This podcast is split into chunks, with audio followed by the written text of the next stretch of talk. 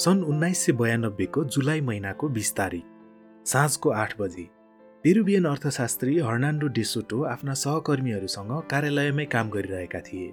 उनको कार्यालय अर्थात् institute for liberty and democracy जुन पेरुको राजधानी लिमा सहरको बाहिरी भागमा रहेको थियो। अकस्मात उनको कार्यालयमा एउटा शक्तिशाली विस्फोट भयो। विस्फोट यति शक्तिशाली थियो कि त्यसले भवनका भित्ता झ्यालहरू चर्किए र सिसा धातु तथा काठका टुक्राहरू गोलीको गतिमा यत्र तत्र छरिए। त्यो एउटा कार बम थियो र त्यस कारको इन्जिन उछिटिएर सँगैको अर्को भवनलाई समेत क्षति पुर्यायो। इन्स्टिच्युट फर लिबर्टी एन्ड डेमोक्रेसीको कार्यालय धुवाको विशाल मुस्लोमा हरायो। उक्त घटनामा तिनजनाको ज्यान गयो भने उन्नाइसजना घाइते भए। भाग्यवश अर्थशास्त्री हर्नान्डो डेसोटो भने यस घटनामा सकुशल रहे। प्रहरीको अनुसन्धानबाट पत्ता लाग्यो कि चार सय किलो डाइनामाइट र एमोनियम नाइट्रेट भरिएको कार ल्याएर त्यहाँ पड्काइएको थियो र पड्काउनेहरू थिए पेरुको सशस्त्र विद्रोही समूह the shining path. The shining पाथले किन त्यसरी विस्फोट गरायो त? किन उक्त समूहले एउटा थिङ्क ट्याङ्कमाथि त्यत्रो धेरै डाइनामाइट खर्च गर्यो होला? किन डेसोटो विद्रोहीहरूको आँखाको तारो भयो होला र यसको गरिबहरूसँग के सम्बन्ध छ त? आउनुहोस् आज हामी चर्चा गर्दैछौँ यिनै विषयहरूको बारेमा। हेलो एन्ड नमस्ते श्रोता स्वागत छ यहाँलाई पडकास्ट द नेपाली इकोनोमिस्टको नौौँ भागमा गत भागमा हामीले बजार भनेको के हो? यसले कसरी काम गर्दछ? र यो किन महत्त्वपूर्ण हुन्छ भन्ने बारेमा चर्चा गरेका थियौँ। गत भागलाई लिएर मोफसलका एकजना श्रोताले पडकास्टलाई पुनः निरन्तरता दिनुभएकोमा धन्यवाद भन्नुभएको छ। उहाँले विकास अर्थशास्त्र अर्थात् डेभलपमेन्ट इकोनोमिक्सका विषयहरूलाई पनि पडकास्टमा समावेश गर्न आग्रह गर्नुभएको छ। उहाँलाई प्रतिक्रियाको लागि धन्यवाद। संयोगवश आज मैले चर्चा गर्न लागेको विषय पनि विकास अर्थशास्त्रसँग नै सम्बन्धित छ। सन् उन्नाइस सय अस्सीको दशकको पेरु र सन् उन्नाइस सय नब्बेको दशकको नेपालको आर्थिक सामाजिक अवस्था झन्डै झन्डै उस्तै थियो। दुवै देशहरूमा चरम गरिबी व्याप्त थियो र आर्थिक वृद्धि हुन सकिरहेको थिएन। नेपालमा चाहिँ पेरुमा पनि सशस्त्र द्वन्द्व चलिरहेको थियो। विद्रोही समूहको नाम थियो द साइनिङ पाथ। सन् उन्नाइस सय अस्सीमा सुरु भएको द साइनिङ पाथको उद्देश्य थियो गुरिल्ला युद्धको माध्यमबाट सत्ता कब्जा गर्नु र माओवादी सरकार स्थापना गर्नु। त्यस बेलाको त्यहाँ भएका समाजवादी सरकारहरूलाई उनीहरूले संशोधनवादीको रूपमा हेर्ने गर्दथे र उक्त समूहले सर्वहाराको अधिनायकवाद नभई नहुने र पूर्ण साम्यवाद लागू नगरी नछोड्ने अठुट लिएको थियो। सर्वहाराको अधिनायकवाद स्थापना गरेर मात्र गरिबहरूको उत्थान हुने उनीहरूको ठम्याइ थियो। सन् उन्नाइस सय नब्बेतिर आइपुग्दा द साइनिङ पाथको हातबाट करिब पच्चिस हजार व्यक्तिको ज्यान गइसकेको थियो भने करिब बिस लाख मानिसहरू विस्थापित भइसकेका थिए। पूर्वाधार तथा गाउँ सहरहरूको विध्वंस त गनेर साध्य नै थिएन। साइनिङ पाथको एउटा विशेषता के थियो भने उनीहरू आफ्नो विचारधारालाई चुनौती दिने कुनै पनि बौद्धिक तर्क सुन्न तयार नै थिएनन्। कसैले पनि उनीहरूको विचारधाराको वा कार्यशैलीको विरोध गरे कि उक्त व्यक्तिलाई कुटपिट गर्ने वा हत्या गर्ने गर्दथे। यस्तैमा अर्थशास्त्री डेसोटोलाई के लागेछ भने साइनिङ पाथलाई जित्ने हो भने उनीहरू विरुद्ध विचारको युद्ध नगरी हुँदैन। सोटोको विचारमा साइनिङ पाथले भने जस्तै समाजका केही वर्गहरू पछाडि परेका अवश्य थिए। प्रणालीबाट उनीहरू बहिष्करणमा परेका अवश्य थिए। त्यसैले गर्दा नै ती व्यक्तिहरू साइनिङ पाथतर्फ आकर्षित भएका थिए।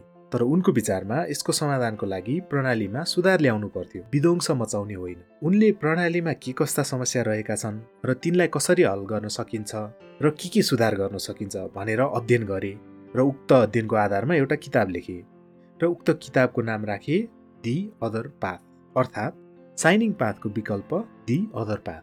उक्त पुस्तकमा उनले साइनिङ पाथले पेरुको लोकतन्त्र र बजार व्यवस्थाको विरुद्धमा उठान गरेका प्रत्येक तर्कको वितर्क पेश गरे। उनको पुस्तक प्रकाशित भएपछि अत्यन्त चर्चित हुन गयो पेरुमा मात्र नभएर सम्पूर्ण ल्याटिन अमेरिकाभरि नै बेस्ट सेलर हुन पुग्यो। उक्त किताबको सारलाई ओखो भन्ने पत्रिकाले संक्षेपमा छाप्यो र पत्रिकासँगै देशभर वितरण गर्यो। त्यसै गरी उक्त किताबका खोज तथा तर्कहरूलाई सरल भाषामा समेटेर रेडियो तथा टेलिभिजनहरूले पनि प्रसारण गरे। यसरी उक्त किताबका बारेमा सर्वत्र चर्चा परिचर्चा भयो र प्रणालीबाट बहिष्कारमा परेका वर्गहरूसम्म पनि डेसुटोका तर्कहरू पुगे। यो देखेर साइनिङ पाथको संस्थापक गुजम्यान अत्यन्त क्रुद्ध भए र उनले उक्त किताबले युवाहरूलाई दिग्भ्रमित पारिराखेको र क्रान्तिबाट विमुख गरेको आरोप लगाए। तर उनको आलोचनाले केही सिप नलागेपछि डेसोटोको कार्यालयमा विस्फोट गराउने आदेश दिए। तर यस विस्फोटन पश्चात डेसोटो र उनको किताब झनै चर्चित भयो।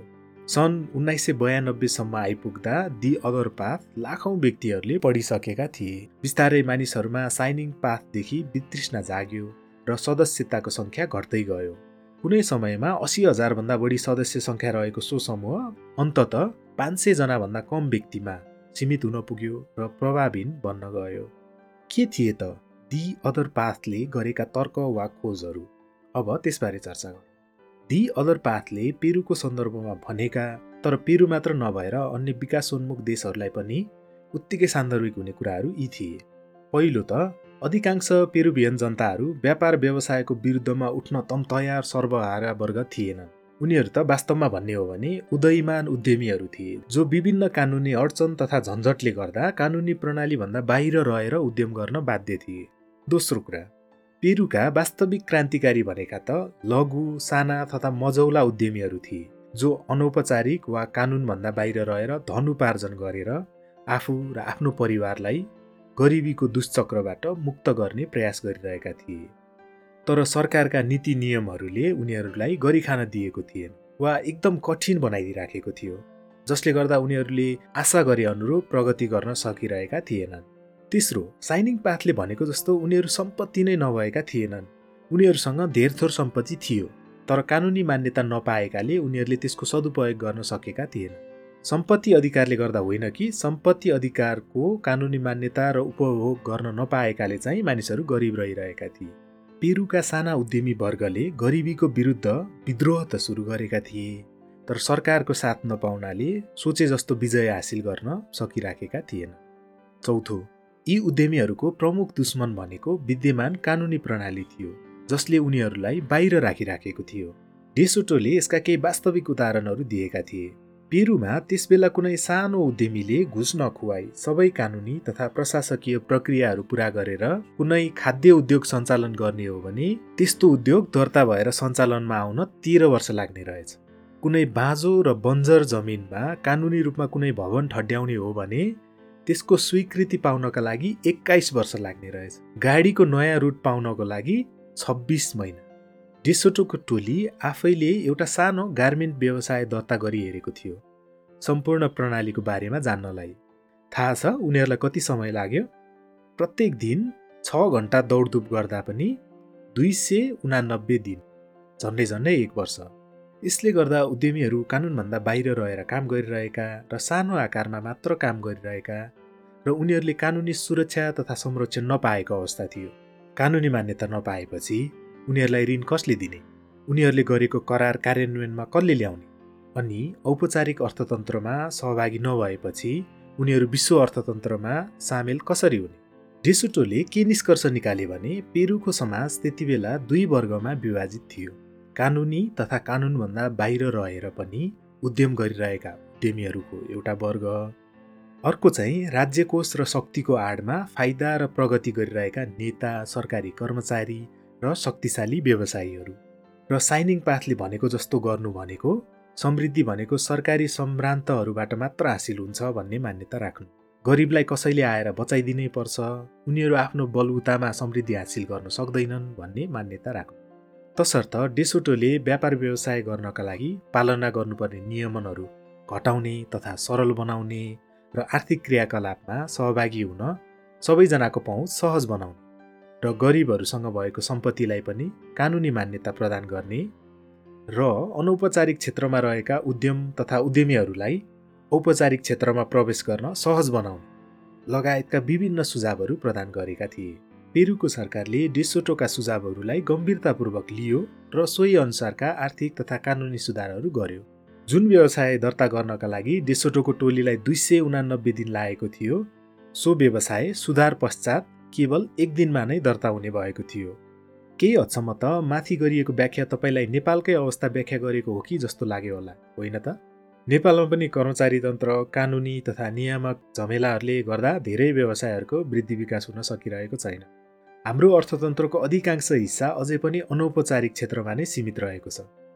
पेरुमा छब्बिस महिना लाग्थ्यो अरे बसको नयाँ रुट लिनको लागि। हाम्रोमा त विद्यमान सिन्डिकेट र कार्टेलहरूले गर्दा पाउँदै पाउँदैन। हाम्रो अर्थतन्त्रमा तपाईँले देख्न सक्नुहुन्छ करिब करिब हरेक क्षेत्रमा नै कार्टेल छ र धेरैजसोलाई सरकारकै संरक्षण प्राप्त छ। चाहे त्यो यातायातमा होस् चाहे शिक्षा क्षेत्रमा। अलिक ठुलो व्यापार व्यवसायका लागि सरकारी र राजनीतिक पहुँच नभए लाइसेन्स नै पाइँदैन। तर यो कुरा अन्य कुनै विकासोन्मुख देशको व्यक्तिलाई सुनायो भने पनि नौलो नलाग्न सक्छ। किनभने यो कथा धेरैजसो विकासोन्मुख देशहरूको पनि कथा हो। सायद यही कुरालाई मनन गरेरै होला। डेसोटोको अध्ययन र निष्कर्षहरूबाट प्रभावित भएर विश्व बैङ्कले ease of doing business index नामक प्रतिवेदन निकाल्न थाल्यो सन् दुई हजार तिनबाट। यस प्रतिवेदनको बारेमा त तपाईँले सुन्नुभएकै होला। यस प्रतिवेदनमा कुन देशमा व्यवसाय गर्नको लागि कतिको सहज वातावरण छ भनेर मापन गरिन्छ र सोको आधारमा ती देशहरूलाई ऱ्याङ्किङ गरिन्छ। यो प्रतिवेदन कसरी सुरु भयो? सन् दुई हजार दुईमा जब नोबेल पुरस्कार विजेता अर्थशास्त्री जोसेफ स्टिग्लिज विश्व बैङ्कको प्रमुख अर्थशास्त्री थिए उनले विश्व विकास प्रतिवेदन भनेर एउटा प्रतिवेदन निकाल्ने निर्णय गरे र सोका लागि भनेर अर्थशास्त्रीहरूको टोली भेला पारे। सोही टोलीका एक सदस्य थिए बुल्गेरियन अर्थशास्त्री सिमियन ज्यान्कोभ सिमियन ज्यान्कोभ र हार्वर्ड विश्वविद्यालयका अर्थशास्त्रका प्राध्यापक आन्द्रे स्लेफर मिलेर एक सय तेत्तिसवटा देशहरूमा अध्ययन गरे। उनीहरूको अध्ययनको विषय थियो ती देशहरूमा एउटा नयाँ व्यवसाय गर्नका लागि अनुमति पाउन कतिको कठिन छ। सो कठिनाई उनीहरूले पाँचवटा सूचकहरूलाई हेरेर तथ्याङ्क निकाले। सोही अध्ययन पछि गएर इज अफ डुइङ बिजनेस इन्डेक्सको रूपमा विकसित भयो। यो प्रतिवेदन निकै प्रभावशाली हुन गएको छ।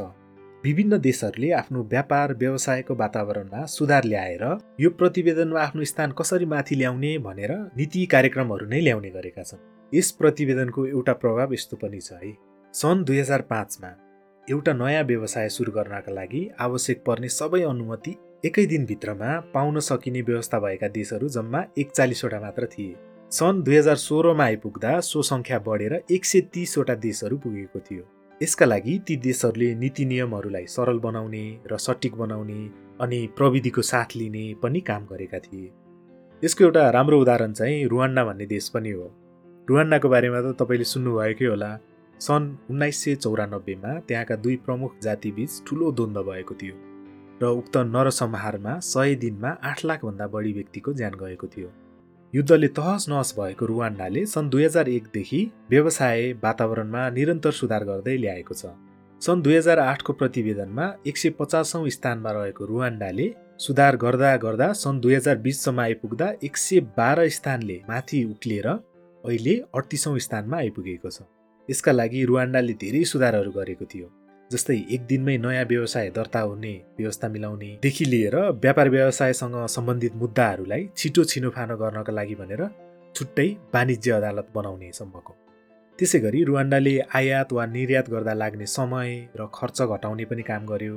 त्यसै गरी टाट पल्टेका व्यवसायहरूलाई सजिलै बन्द गर्न मिल्ने व्यवस्था पनि गर्यो। तपाईँले याद गर्नुभएको होला भारतका हालका प्रधानमन्त्री नरेन्द्र मोदीले पनि भारतलाई इज अफ डुइङ बिजनेस इन्डेक्समा माथि उकाल्ने भनेर आफ्नो चुनावी एउटा एजेन्डा नै बनाएका थिए। तर त्यसको कतिको कार्यान्वयन भयो त्यो भने अब छुट्टै कुरा रह्यो। तपाईँलाई नेपालको अवस्था चाहिँ कस्तो छ त भन्ने खुल्दुली लागिराखेको होला। नेपाल सन् दुई हजार आठमा एक सय एघारौँ स्थानमा थियो भने हाल चौरानब्बेौँ स्थानमा रहेको छ। यसरी हेर्दा इज अफ डुइङ बिजनेस इन्डेक्समा सुधार ल्याउनका लागि अहिलेसम्म नेपालले खासै चासो दिएको छैन भन्दा पनि हुने अवस्था छ। नेपालको सबैभन्दा कम अङ्क कर तिर्ने सम्बन्धी सूचकमा छ जसमा नेपालको स्थान एक सय पचहत्तरौँ छ। त्यसै गरी नयाँ व्यवसाय दर्ता गर्ने सूचकमा पनि नेपाल एक सय पैँतिसौँ स्थानमा छ। तपाईँलाई लागिराखेको होला यस्तो गाह्रो छ र नेपालमा? यसको उत्तर कसको लागि भन्ने कुरामा पनि भर पर्दछ। सम्भ्रान्त र पहुँच भएकाहरूको लागि खासै गाह्रो नहुन सक्छ तर एउटा आम मानिसका लागि भने कठिन अवस्था रहेको यसले देखाउँछ। यससँग सम्बन्धित एउटा रोचक किस्सा सुनाउँछु है त। सन् दुई हजार सत्रमा न्युयोर्कमा एउटा सम्मेलन भएको थियो जसमा माथि भनिएका अर्थशास्त्री सिमियन ज्यानकोको पनि एउटा प्रस्तुति थियो। त्यसमा म पनि सहभागी हुने अवसर पाएको थिएँ। त्यसमा उनले एउटा किस्सा सुनाएको थिए। एक दिन उनलाई एउटा देशको मन्त्रीले आएर गुनासो गरे रे। तपाईँले नबुझिकन हाम्रो देशलाई तपाईँको प्रतिवेदनमा एकदम तल स्थानमा राखिदिनु भएको छ बुझ्नुभयो? किन र? ज्यानकोबले अचम्म मानेर सोधे तपाईँले हाम्रो देशमा व्यापार व्यवसाय दर्ता गर्न गाह्रो छ भन्नुभएको होइन? कहाँ गाह्रो छ? अस्ति भर्खर मेरो सालोले दुई दिनमै व्यवसाय दर्ता गरेर आए। तसर्थ यदि हामीले अब नेपालमा उद्यमशीलता प्रवर्धन गर्ने हो र धेरैभन्दा धेरै स्वरोजगार मानिसहरू तथा रोजगारीका अवसरहरू जन्माउने हो भने व्यापार व्यवसाय गर्ने वातावरण सहज पार्न जरुरी छ अत्यन्त जरुरी छ विशेष गरी अझ सर्वसाधारण मानिसको लागि। ल त यति भन्दै अब आजको लागि बिट मार्नेतर्फ लाग्न चाहन्छु म। आशा छ तपाईँलाई आजको भाग मन पर्यो होला। तपाईँलाई आज चर्चा गरेको विषयको बारेमा थप जान्न मन छ भने तपाईँले मेरो पडकास्टको विवरणमा उल्लेख गरिएका सन्दर्भ सामग्रीहरू पढ्न सक्नुहुन्छ। हर्नान्डो डेसोटोको अर्को अध्ययन र किताब पनि छ जुन एकदमै रोचक छ त्यसमा उनले पुँजीको रहस्यको बारेमा चर्चा गरेका छन्। सोको बारेमा पनि म आगामी भागहरूमा छलफल गर्नेछु। द नेपाली इकोनोमिस्टका आगामी भागहरू पनि सुन्न नछुटाउनु। सदाझै मलाई प्रतिक्रिया वा सन्देश पठाउन नभुल्नुहोला।